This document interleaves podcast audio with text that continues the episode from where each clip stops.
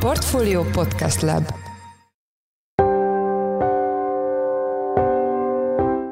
Sziasztok! Ez a Portfolio Checklist bónuszadása július másodikán szombaton. Én Forrás Dávid vagyok, a Portfolio Podcast Lab szerkesztője. Ennek a műsornak a témája az izraeli kormányválság, amely több szempontból is érdekes lehet Magyarországról nézve.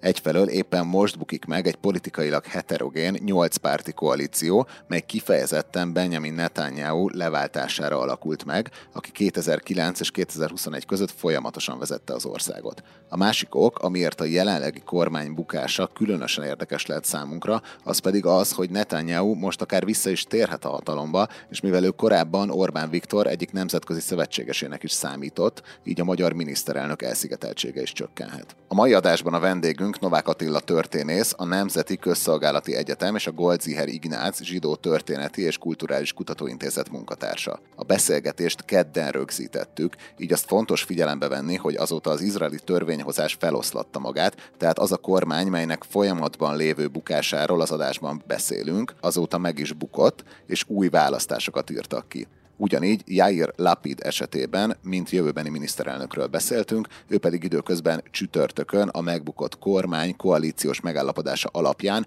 ügyvezető miniszterelnökké vált. Itt van velünk Novák Attila, történész, a Nemzeti Közszolgálati Egyetem Molnár Tamás Kutatóintézetének tudományos főmunkatársa és a Goldziher Ignác Zsidó Történeti és Kulturális Kutatóintézet munkatársa. Szia Attila, köszöntelek a műsorban. Szia! Első kérdésem, hogy milyen körülmények között és mikor alakult meg a jelenleg szétesőben lévő Bennett kormány? Gyakorlatilag pont egy éve, tehát 2021, hivatalosan 2021. június 12-én de gyakorlatilag másodikán már világos volt, hogy létrejön ez a koalíció. Ugye Izrael az addig több választás élt meg, úgyhogy ha most lesz egy újabb választás, akkor ez az ötödik, három és fél éven belül, ami nagyon sok. Igazából arról van szó, hogy kicsit így a dolog mélyére ásva, hogy van a 120 tagú izraeli parlament, a Knesset, más néven, egy viszonylag alacsony bejutási küszöb, ez a 3,25%-os választói támogatottság kell, hogy egy párt bekerüljön a parlamentbe, és az, és az izraeli pártrendszer rendkívül heterogén, széttagolt izraeli társadalmat képviseli, annak a összes faktorát, belértve az izraeli arabokat is, ami a 20%-át teszik ki az ország lakosságának, és nagyon nehéz egy olyan koalíciót felállítani, ahol gyakorlatilag 60 plusz egyes többséget létre tudnak hozni. És mivel az ország az rendkívül széttagolt, és a Netanyahu korszak a végén még jobban hát hogy mondjam, fragmentált ezt a, ezt a politikai közösséget, ezért nem sikerült egy, egy többséget kialakítani senkinek, tök a Bennett kormány is egy plusz egyes ö, többséggel tudott ö, kormányt ö, alakítani. Kik a főbb politikai szereplők, és milyen érdekek vagy értékek sodorták őket egy koalícióba? Most még a jelenlegi kormányról beszéljünk. Nyolc pártból áll, ugye a Naftali Bennett, a Jemina, az, a, az gyakorlatilag azt jelenti, hogy jobb oldal, egy, egy vallásos cionista jobboldali tömörülésnek a, vezetője. Van egy új remény, ez széberül Tikva Hadasa, egy nevű párt, ami szintén egy jobboldali párt, szintén tagja ennek a koalíciónak. Van a, a, mondjuk a baloldal és a liberális oldal, ami a munkapárt, az Avoda, a Merec, ami egy, egy liberális párt, van a Israel Beiténu, a, a Izrael a hazánk, ez az, az orosz bevándorlóknak a pártja, az Avigdor Lieberman pártja.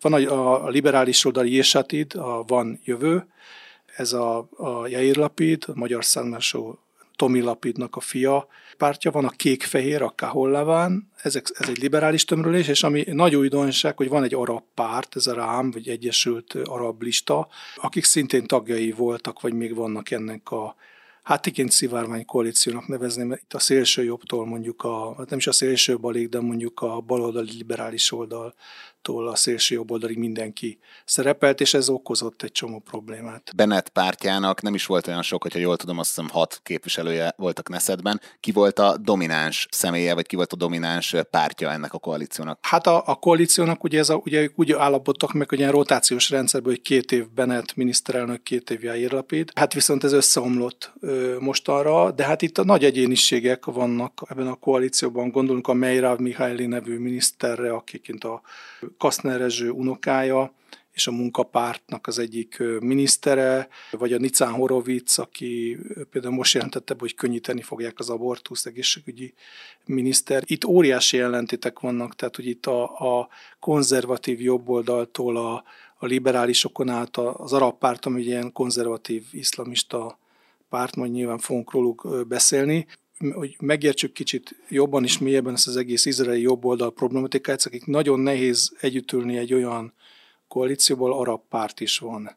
Ezt ők nagyon nehezen tudják, hiába az arabok választók és választhatók, egyébként legtöbbször arab pártokra szavaznak, de úgy gondolják, és most én nem, ezzel nem azt akarom mondani, hogy egyetértem velük, csak azt szerintem meg kell érteni az ő pozíciókat is, vagy legalábbis fel kell fedni, hogy az ország, és a Netanyahu folyamatosan ezzel vádolta egyébként a koalíciót, hogy a, hogy a kormány a szemben megy Izrael nemzeti érdekeivel, hiszen egy ilyen arab párt is a tagja, ami egyébként nem volt igaz, de ettől függetlenül mondjuk egy ilyen vallásos jobboldali szemében ez egy ilyen nagyon nehéz ügy. És akkor hogy kerültek ezek a vallásos és hát néha szélsőséget súroló jobboldali pártok egy koalícióba, egy, egy arab tömörüléssel, tehát hogy mi volt az a minimum, amit a kormány meghatározott, hogy a csatlakozáshoz szükséges teljesíteni. Hát az van, hogy itt egyrészt nagyon sokan nem szeretik a Netanyahu-t a jobb oldalon sem. Szóval, hogy a Bennett az ugye minisz, több, többször is volt a Netanyahu-nak minisztere, és a többi, és többen ott a Gidon Szár, aki ennek az új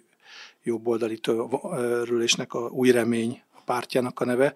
Tehát az van, hogy a Netanyahu-nak, aki egy befolyásos és karizmatikus politikus, de nagyon, hogy is mondjam, megosztó figura, és nagyon sokan a, a jobb oldalon sem szeretik és ez sokkal odáig megy, hogy mindenkivel mással kormányoznának, csak a Netanyahu-val sem, aki egyébként ledominálja az egész, nem csak a pártot, hanem azt a koalíciót is, amit ő éppen irányít. Az arab párt meg egyszerűen itt egy nagyon egyszerű választási matematika van, tehát tényleg a 60 plusz egyet el kell érni. Egyébként a netanyahu is tárgyaltak, a Netanyahu-nak több ilyen kormányalakítás kísérlete volt, akkor mindig kiadja a köztársasági elnök, aztán ad egy határidőt, ha addig nem sikerül az illetőnek, akkor a, a ilyen, ilyen ö, egál helyzetben odaadja a másik félnek, tehát neki nem sikerült a többséget elérni, és akkor átadta, és a, a Benetéknek meg sikerült elérni egy ilyen nagyon törékeny többséget. Ez az arab párt ugye úgy indult, hogy nagyon sok pénzt ígértek nekik. Mert nem személyesen a politikusok. Igen, nem, nem, nem, nem, hanem egyszerűen az, úgy, úgy Izrael, vagy az arab szektor. Vannak az arab, izraeli arab társadalmi jelenző ilyen sajátos problémák, amik rájuk jellemzőek, másokra kevésbé. Tulajdonképpen az ország legszegényebb rétegeit alkotják, mondjuk a Haredi ultraortodox népességgel együtt, és a kormány ígért egy csomó pénzt ennek a, hogy mondjam, kiavítására, vagy valami hát modest vagy esélyegyenlőség megteremtésére, tehát hogy mit tudom én a, a, a orvosi ellátástól kezdve a munkába, állásig, vagy egy, valami szintén probléma, ez a bűnözési ráta, ami, amiket Izraelben beszélnek, tehát egy szinte politikailag korrekt is erről beszélni, a bűnözési ráta magas az izraeli arab. Egy, ezek egymás közti köztörvényes bűncselekményekről beszélünk, nem zsidó-arab hogy ennek a csökkentésére a kormány külön pénzt határozott és a Knesset ezt el is fogadta. És a másik dolog az, hogy ez egy, ez egy, egy, forradalmi dolog, tehát hogy egy arab párt egy izraeli kormányban részt vesz, és hát ez egy a Netanyahu-éknak meg egy ilyen folyamatos támadási felületet adott annak ellenére, hogy igazából ő is tárgyalt velük a kormányalakításért. A Netanyahu az egy, egyébként egy rendkívül, ilyen szempontból rendkívül, hogy mondjam, pragmatikus politikus, tehát volt olyan választási kampány, ahol a, tehát azt, azt mondta, hogy az ellenzék, az a, az különféle NGO-k, külföldről támogatott NGO-k, civil alapítványok, civil szervezetek buszokba szállítják az arab szavazókat, és a többi, és a többi, ismerős ez a retorika, de ennek ellenére, hogyha meg meg van szorulva, akkor azért tárgyalgat. Egyébként most már most van egy kis vihar a Bilibe, az egyik képviselője azt mondta, hogy egy, ha megvan a többségük, akkor, akkor lehetne tárgyalni egy arab párt bevonásáról, és a Netanyahu visszaszólt, hogy erről szó nem lehet. Ők is szembenézhetnek azzal, hogy egy, egy ilyen választáskor megint ugyanaz a padhelyzet fog kialakulni, mint ami már csomószor kialakult történészi szemmel mennyire fontos, hogy egy arab párt is része lett a koalíciónak? Hát én azt gondolom, hogy ez, a, ez, a, ez az Egyesült Arab Lista, vagy Rámnak hívják, és a Mans, Mansur Abbas, aki ennek a vezetője, és ő be is ült a kormányba. Ez, én, szerintem, én ezt egy nagyon fontos lépésnek tartom a, a politikai emancipáció szempontjából, hiszen ott, ott áll egy majdnem két milliós arab kisebbség Izraelben, 20%-kal kb. A, a, a lakosságnak, akik, hát, akik ilyen arab pártokra szavaznak, de, de ezek úgy el vannak egy kicsit ilyen gettósítva, tehát a saját rétegükben élnek, a saját problémáikkal, és az egészet elfette a palesztin identitás. Az eddig, a, a, ugye a legnagyobb arab pártoromülés, ez, a, ez az Egyesült Lista, az a palesztin problémákat érezte ki, és e, a, a, ez a párt, ez a Mansur Abbas féle Ram párt, ez azt mondta, hogy izraeli állampolgárok, akiknek elfogadja azt, hogy ő hogy ez egy zsidó állam. Az a lényeg, hogy az izraeli arab állampolgároknak az egészségügye, a jóléte, tehát hogy most kell elérni dolgokat, hagyjuk ezeket a nagy nemzeti narratívákat, dolgozzunk együtt a, mi is izraeliek vagyunk. Szóval ennek van egy ilyen üzenete, ami szerintem nagyon fontos. Kik alkotják a jelenlegi ellenzéket? Tehát a legnagyobb ez a Likud, ugye a, Netanyahu vezette Likud, mindig van egy ilyen 30 valamennyi, 5, 6, 7, 8, 9 mandátumú erősségük. Van a SASZ, ami a, a, a észak-afrikai eredetű Szefárd ortodox, ez egy vallásos ortodox párt. Van az Egyesült Óra Judaizmus, ez ugyanennek az, az askenázi, kelet-európai származású, vannak magyar tagjai is. Tehát ezek, ez a két, a SÁSZ és az Egyesült Óra Judaizmus, ezek ortodox pártok, és van ez, van ez az arab pártformáció, ez a Egyesült Lista, talán így neveznénk, ahol, ahol különféle arab, egy nacionalista képviselők külön. Tehát ez az úgynevezett ellenzék, hát az Egyesült Arab Listát, vagy ezt az Egyesült Listát én nem nevezném igazán ellenzéknek, mert hol támogatták, hol nem, de sokszor támogatták, vagy akár semlegességgel szavaztak úgymond az új kormány mellett, de a Likud és a két ortodox párt az már úgy, az már úgy erősen az ellen, az ők, ők kifejezetten ellenzéki tevékenységet folytattak, és hát a, ugye Netanyahu az mindent megtett, hogy leválasszon képviselőket a, hiszen pláne amikor ilyen egyfős, kétfős különbség van egy ilyen, ilyen törékeny helyzetben, itt minden ember számít, tehát az egyik képviselőnőt az például azzal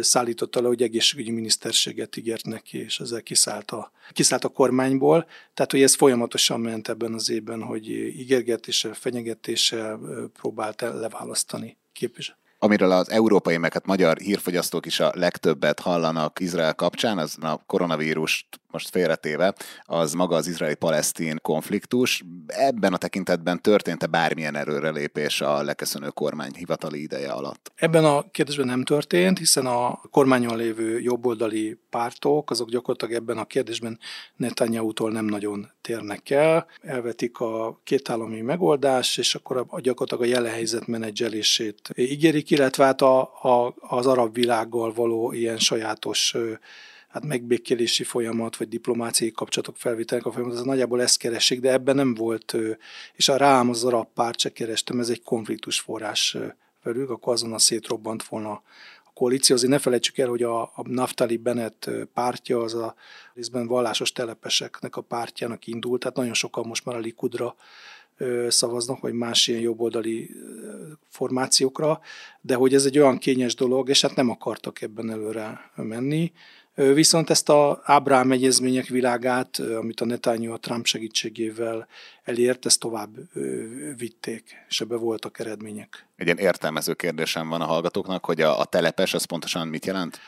A telepes az a, a zöld vonalon, tehát a 67-es háborúnak, amik a demarkációs vonalán túllévő területeken élő zsidó lakosság, amely falvakban és városokban él, nagyon sokan vannak, szóval sok százer emberről beszélünk, legalább 400 erről, és mindig az a kérdés, és mostani, a mostani koalíció is azon bukott el, hogy időnként meg kell újítani, hogy ők, hogy az ő, ezekben a zsidó településeken is az izraeli polgári törvények érvényesülnek, és érdekes módon az ellenzék ellene szavazott, ami egy érdekes dolog, de pusztán csak azért, hogy bukjon a kormány. Ugye mondtad, hogy pont amiatt, mert nagyon heterogén volt a koalíció, voltak olyan területek, amihez nem nagyon nyúltak, ilyen volt az izraeli-palesztin kérdés is, vagy izraeli-palesztin konfliktus, de van-e valamilyen belpolitikai eredménye a kormánynak azon kívül, hogy egy évig fennmaradt? Hát na, szóval igazából több minden van. Egyrészt, egyrészt teljesen máshogy állt hozzá a Bennett kormány a koronavírus kezeléséhez. A Netanyahu az magát egy ilyen nemzeti vezérnek tekintette, éppen ezért nagyon, nagyon gyakran lezárta az országot, nagyon határozott és drasztikus intézkedéseket tett a koronavírus járvány megakadályozására, amik egyébként, egyébként ennek vannak helyes oldala is, viszont a gazdasági élet az, az egy súlyos recesszióba került. A, a Bennett meg azt a megoldást választotta, hogy, hogy egyrészt ilyen fokozatosságokat épített ki a rendszerben, és a végén feloldotta ezt az egészet. Nem lehet tudni, mi lesz a vége, mert most megint rosszabbak az adatok. Tehát lehet, hogy, lehet, hogy ha nem is lezárások lesznek, de korlátozások. Ahogy a Netanyahu kezelte, volt ennek egy ilyen tehát ő a nemzetvezető, aki, aki mindenben tudja az igazat, és megmondja azt, hogy mit kell csinálni, minden egyértelmű, és kész. És más szempontokra nem nagyon volt tekintettel. És a Covid-on kívül vannak-e eredményei a kormánynak? Ugye egyrészt folytatták ez az Ábrám egyezményeket, ugye volt a, volt a karab sús találkozott szervezet a Jair Lapid Izraelben, és hát a, az emirátusokban pedig a Bennett látogatott el, és a szaudiakkal is folynak ilyen titko, titkos tárgyalásokat, ezek még nem jutottak el odáig, hogy egyezmény legyen belőlük, de ezek tovább folytatódnak. Tehát magyarul az, a, az amit a netányóék mondanak, hogy csak ők képesek erre, és senki más, ez nem igaz, mert nyilván az amerikai adminisztráció támogatásával, de tovább folytak. Az az a kérdés, hogy Izrael mennyire integrálódik a közel-kelet világában, nyilván ennek vannak jó meg rossz oldalai, de az, hogy legyen diplomáciai kapcsolat, hogy ne legyen háborús helyzet. Sok százer izraeli utazott már az öböl országokba. Egyébként már az Ábrahám egyezmények megkötés előtt már izraeli cégek tucatjai, nem is tucatjai, hanem százai működtek ezekben a kötöttek kapcsolatokat de igazából ez a dolog folytatódott. És hát vannak ilyen, voltak ilyen próbálkozások, amik nagyon nehezek, hogy mit tudom, a kósássággal kapcsolatos ortodox, mondjuk így monopóliumot megtörjék. Ez pont ez egy vallásos cionista miniszter, ez a Matan Khan vallásos cionista miniszter próbálta meg. Ez egy nagyon nehéz dió, mert nagyon sok érdeket sért. De ez megint olyan dolog, amiről már évtizedek óta beszélnek Izraelbe, csak senki nem mer hozzányúlni, mert a ortodox pártonnak, és én nem a vallásos zsidóságot kritizálnám, hanem ez egy politikai reprezentáció, azok, azok ezt ellenezték. Ezt egyébként hogy látod, hogyha itt a reprezentációnál tartunk, hogy egyrészt mi a különbség a között az arab párt között, aki részt vett a koalícióban, és aki az ellenzékben maradt, vagy hát ahogy mondtad, ilyen felemás szerepet vett fel, és javult-e a, az Izraelen belüli arab kisebbség helyzete ennek köszönhetően, hogy ilyen magas szinten voltak politikailag reprezentálva? Hát egy évem, tehát egy év az egy nagyon kevés idő, és igazából mondjuk az, a, a, az izraeli, nem csak a baloldal, hanem a, a, ha megnézel mondjuk ezzel kapcsolatos honlapokat, akkor azok pont azt állítják, hogy egyáltalán nem halt meg kevesebb palesztin tüntető, mint a Netanyahu alatt. Tehát hogy a hadsereg az ugyanolyan keményen lépett fel, hogy a Gázából támadást érte Izraelt ugyanúgy reagált, tehát ebben nem nagyon volt különbség. De az, hogy mondjuk egy kormánypolitika része az, hogy amikor az arab kisebbség, vagy a rám ezt folyamatosan képviselte, hogy folyamatosan újabb és újabb pénzeket fektessenek bele ebbe a szektorba, iskoláztatás, egészségügy, harc a bűnözés ellen. Ezek szerintem nagyon fontos dolgok, és ez szerintem a következő, akárki is lesz az új izraeli miniszterelnök, enne ezzel számolnia kell. Itt egyszerűen, ugye ez az arab pártok, ezek egy nagyon érdekes világ, ugye többen a konfrontációba érdekeltek, és, és, és a, kizárólag a palesztin nemzeti narratívát képviselik, és más nem nagyon érdekes számukra. Rám ezt félretette, azt mondta, hogy fontos ez is, de vannak más olyan fontos dolgok, amik mint izraeli állampolgár járnak, és így jobban el tudja érni. Úgyhogy szerintem ezek nagyon fontos és előremutató dolgok, és nem tudom, Netanyahu, tehát hogy amennyiben a választás úgy hozza, szerintem ő is rákényszerülhet arra, hogy úgymond egy arab párttal szövetkezzem. Elfogyott a koalíciónak a többsége. Ugye jelenleg, ugye, hát ugye kedden, ilyen fél négy körül vesszük fel ezt az adást. Most ugye úgy áll a helyzet, hogy az izraeli parlamenten már átment egy jogszabály, amivel feloszlatja magát, de még nem hagyták jóvá, amit a közpolitikai rendszer miatt többször kell egy jogszabályt megszavazni. Itt most mi fog történni? Az, hogy új választások legyenek, ez nagyjából egy eléggé többség akarja. Tehát, hogy itt, itt azt belátták a, a Beneték is, hogy ez így nem megy. Annyira elszipkázták a képviselőket, hogy ugye a Netanyai próbálták elkerülni egyébként a választásra egy közvetlen miniszterelnök választással próbálkoztak, ez úgy tűnik, hogy nem fog sikerülni. Azt úgy látom, hogy azért a netanyahu a jobb oldalon belül is nagyon sok ellenfele van. Tehát általában azon, hogy, hogy sokat dolgoztak vele együtt, azok úgy konfliktusba kerültek vele egy nagyon erős személyiség. Viszont van egy, nagy, van egy stabil Likud szavazó tábor. Egyébként ez is érdekes az izraeli szociológiát, az izraeli társadalmat figyelne, hogy itt, itt nagyon nagy számú ilyen észak-afrikai, marokkói származású polgárokról van szó. Ez egy ilyen, ez egy ilyen szociológiai tény tulajdonképpen. Tehát, hogy, és ezt a fajta etnikai hangot, ez, ezt használják a Netanyahuék az izraeli belpolitikában, ami nem mindig szerencsés. Szerint állandóan arról vitatkoznak, ki az askenázi, ki a szefárd, kinek mihez van joga. A Likud, ez tulajdonképpen amikor a Begin 1977-ben győzött, tulajdonképpen ez az észak-afrikai szefárd proletariátus szavazataival. A Netanyahu nagyon ügyesen használja ki ezeket a feszültségeket és indulatokat, amik megvannak az izraeli társadalmon belül. Most a legvalószínűbb, hogy feloszlik a Knesset. Amennyiben feloszlatják a Knessetet, akkor a koalíciós megállapodásnak köszönhetően már változik a miniszterelnök személye. Ki lesz az új miniszterelnök? Hát most egyelőre Jáir Lapid lesz a, a miniszterelnök, hát aztán a választások után hát az attól függ. Ugye Magyarországon azon, hogy a győztes felé a választások úgy vannak kitalálva, hogy aki győz, az, az elvisz még egy csomó töredék szavazatot is.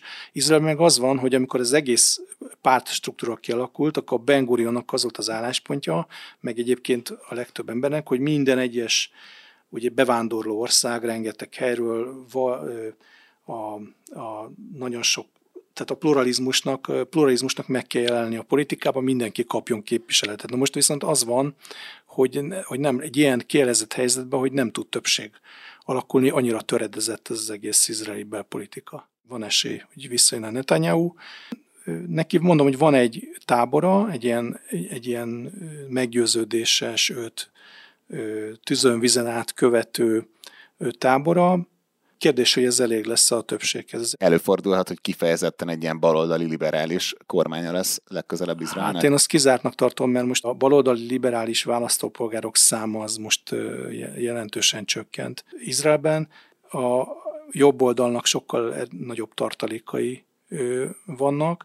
Az egész gazdasági prosperitás és mondjuk az izraeli gazdasági elétet is inkább a jobb oldal felé tolt el, és a hagyományos baloldal meg kiüresedett, hogy a kibucok azok gyakorlatilag megszűntek kibucként működni, gazdasági társulások vannak. A, a Netanyahu alatt prosperált nagyjából a, a gazdaság, egészen a koronáig. Tehát, hogy ezek, ezek mind, mind a, ez a jobboldali piacpárti és igazából a mai baloldal se annyira baloldal, tehát hogy itt tehát olyan nagyon kemény baloldalt nem találunk. Tehát az LMBTQ kisebbségnek a jogai, vagy, a, vagy az iskoláztatásban még nagyobb egyenlőség megteremtése, vagy az ortodox monopóliumok elleni küzdelem, ilyen, ilyenekkel foglalkozik ma a baloldal, ami inkább liberális oldal, mint baloldal. Egy emberről még nem beszéltünk részletesen, ez Jair Lapid, aki központi figurája volt a jelenlegi kormány megalakításának. Róla mit kell tudni, ő milyen politikát képvisel? Hát ő liberális politikus, ugye nagyon érdekes a, ugye a, ez a Jésatid, vagy a Van Jövő nevű pártnak ő a,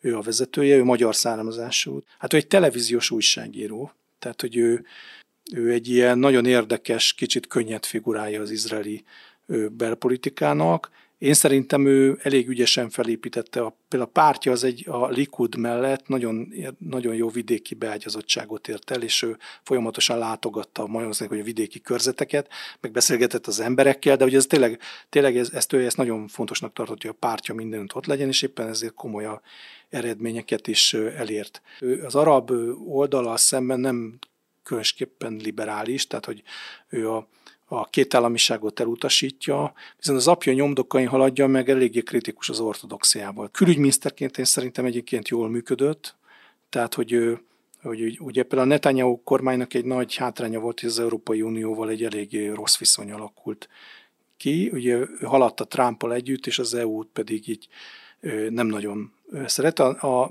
a, a Jair Lapid erre jobban figyelt, a Macronnal például egy viszonylag jó viszonya van. Egyébként a, a, a Bennettnek is, tehát hogy ez erre, erre szerintem sokkal jobban figyeltek, sokkal plurálisabb a, vagy ez egy külpolitikának a, a orientáció, mint ami a Netanyahu alatt volt, ahol Amerika létezett, és akkor azon keresztül, ahogy az öbből országok és a többi. Tehát én szerintem ezt ő jól csinálta, de hát ugye ő egy, ő egy Észak-Tel Avivban lakó, európai, hogy is mondjam, eredetű politikus, ez nem mindenkinek klappol Izraelben. Tehát, hogy ezért vannak ennek, ő, ő nem egy ilyen néptribun, aki a, a, a periféria falvaiban tud úgy szónokol, mint a Netanyahu. Kicsit elszakadva a jelenlegi helyzettől, aztán még az izraeli orosz-ukrán viszonyjal kapcsolatban visszatérnék ide, de te 2012 és 2016 között oktatási és kulturális szakdiplomataként képviselted Magyarországot hazánk Tel Aviv nagykövetségén. Ebben az időszakban milyen ügyek dominálták az izraeli-magyar kapcsolatokat? Ez egy nagyon érdekes időszak volt, viszonylag én két háborút is átéltem egyébként, tehát hogy 2012-ben és aztán pár évvel később Gáza, Gázából rakétázták Izraelt, úgyhogy rohangáztunk az óvóhelyre, tehát ebből szabad is izgalmas volt, de hát az a dinamikus kapcsolatépítésnek volt a, a, az időszaka. Egyre születtek egyezmények a két ország között, filmkoprodukciós egyezmény, akkor, akkor ilyen kulturális egyezmények, amik időnként egyébként megújítanak, és ami egy nagyon fontos dolog volt, hogy egyrészt elkezdődött ez, hogy a, a a, van Cváton egy magyar múzeum, és elkezdődött ennek a, az a tárgyalás, hogy ki, költözön, költözön át közelebb Tel Avivhoz. Ez akkor kezdődött el. Ami még fontosabb volt, ez kicsit be, hogy, hogy, hogy csináltunk egy magyar óvodát és iskolát. Magyar napokat rendeztünk Tel Avivba kétszer, és ez akkor kezdődött el. Ezek szerintem nagyon fontos lépések voltak. A gazdaság, én azt gondolom, hogy a gazdasági kapcsolatokat nem tudja az állam így. Izrael az nem egy fejlődő ország, tehát ott a cégek egymással keresik, vagy megtalálják a kapcsolatokat. Vannak, vannak olyan területek, ahol az állam tud segíteni. És jelenleg szerinted mik a fókuszpontjai a, a két ország viszonyának? Hát én amikor visszajöttem 2016-ban, akkor utána már kiléptem a külügyminisztériumból, tehát nem dolgozom ott. Én azt gondolom, hogy a gazdasági megállapodások, vagy a gazdasági kapcsolatok azok erősek mindenféle területen, gazdasági innovációs területen, vagy akár ez az izraeli mezőgazdasági fejlesztések, magyar implementáció, ezek is nagyon erősek. A kulturálisokat ezek a magyar napok, vagy volt egy magyar évad Izraelben, ezek fenntartják, ezek eléggé, tehát magyar művészek, írók, filmrendezők jelen vannak, és, és fordítva is vannak. Egyébként a kulturális egyezmények ezt előírják. Hát a politikai, tehát az a fajta szintű magas politikai együttmozgás, ami mondjuk az Orbán Viktor és a Binyámi Netanyahu között volt, ez azért lejjebb került. De ugyanakkor Izraelnek érdeke, hogy, a, hogy az Európai Unión belül legyen, legyenek szövetségesei. Szerintem nagyon sokan kritizálják mondjuk Izraelnek a palesztinokkal kapcsolatos politikáját, Magyarország ez meg kifejezetten nem. E, ez fontos, éppen ezért ez a Bennett kormány is ezt értékelte, és ezért jó viszonyt tartott fenn a Orbán kormányjal. Visszatérve a jelenlegi izraeli politikára, ugye Izrael az orosz-ukrán háború elején olyan vonakodva ítélte csak el az orosz agressziót miniszterelnöki szinten, és továbbra is sokan sérelmezik, hogy támogathatná nagyobb mértékben Ukrajnát. Itt milyen politikai, társadalmi, történelmi okai lehetnek annak, hogy, hogy Izrael valóban nem tartozik Oroszország leghangosabb kritikusai közé? Hát, hogy az, hogy van 1 millió 200 ezer orosz származású, vagy inkább, inkább az, hogy poszt-szovjet állampolgár Izraelben. Hát a második az, hogy ez, ez szintén nagyon fontos, hogy a, ugye Izrael folyamatos hadi állapotban álló több országgal is, Iránnal, és Szíriába és Libanonban támogatja a Hezbollahot Irán, Szíriából visznek Hezbollahnak fegyverszállítmányokat, és Izrael szabad kezet akar kapni ahhoz, hogy ezeket támadja. Ugye Szíria meg viszont jelentős orosz befolyás alatt áll, ezért ha teljesen szembefordulna Oroszországgal, akkor az izraeli hadsereg nem tudna olyan szabadon tevékenykedni Szíriában. Még a Bennett miniszterelnökként, hát volt egy ilyen balul sikerült közvetítési kísérlete, még a konfliktus elején koratavasszal, amikor Putyinnal tárgyalt, aztán rögtön elrepült utána Berlinbe, erről beszámolni, de ezt, ezt az Zelenszky ukrán elnök nem igazán fogadta el, vagy legalábbis állítólag teljes megadásra szólította volna fel az ukránokat, ezt nem, nem erősítették meg, nem lehet tudni, hogy mi van, de Izrael ebből a közelítési pozícióból úgy tűnik, hogy kiszállt.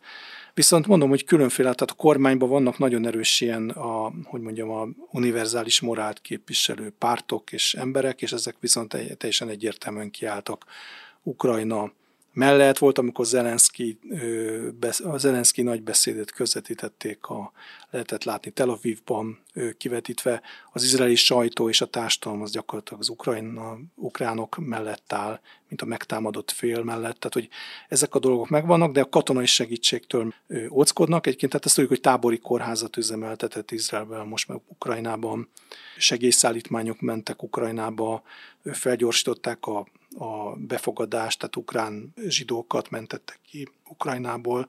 Tehát ezek, ezek a dolgok mind működtek, de egy értelmű konfrontációban viszont nem érdekelt Izrael. Várható -e ebben a szerepfelfogásban változás, hogyha visszatér Netanyahu az őszi választásokon? Hát én szerintem nem, mivel a, az ortodox pártokat és a Likudot kevésbé érdeklik ezek a morális megfontolások szerintem, ez az én személyes véleményem. Én nem hiszem, hogy nagy változások lesznek, lehet, hogy a miniszterek még kevésbé fogják elítélni a ukránok ellen elkövetett borzalmakat, de igazából mondom, hogy itt az van tényleg, hogy az egész Hezbollah Szíria-Irán komplexus miatt itt, gyakorlatilag bárki lenne a miniszterelnök, ezt nagy óvatosságra inteni. Nincs olyan izraeli kormány, aki ezt jóvágyna, és ezt viszont mérték, mérsékletre inti az orosz fél kapcsolatban. Hát sajnos itt a, hogy mondjam, a praktikus és pragmatikus politikai szempontok befolyásolják a külpolitikai döntéseket. Köszönöm szépen. A mai adásban Novák Attila, a Nemzeti Közszolgálati Egyetem Molnár Tamás Kutatóintézetének tudományos főmunkatársa,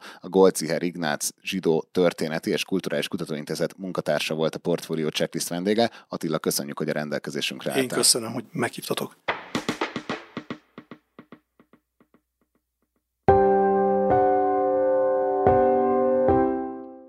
Ez volt a Portfolio Checklist bónusz adása az izraeli kormányválságról. Ha tetszett az adás, és még nem tetted volna, iratkozz fel podcast csatornánkra valamelyik nagy podcast felületen, például a Spotify-on, az Apple Podcasten vagy a Google Podcasten, ahol minden munkanapon új műsorral jelentkezünk. Én Forrás Dávid voltam, a Portfolio Podcast Lab szerkesztője. Minden jót, sziasztok! thank you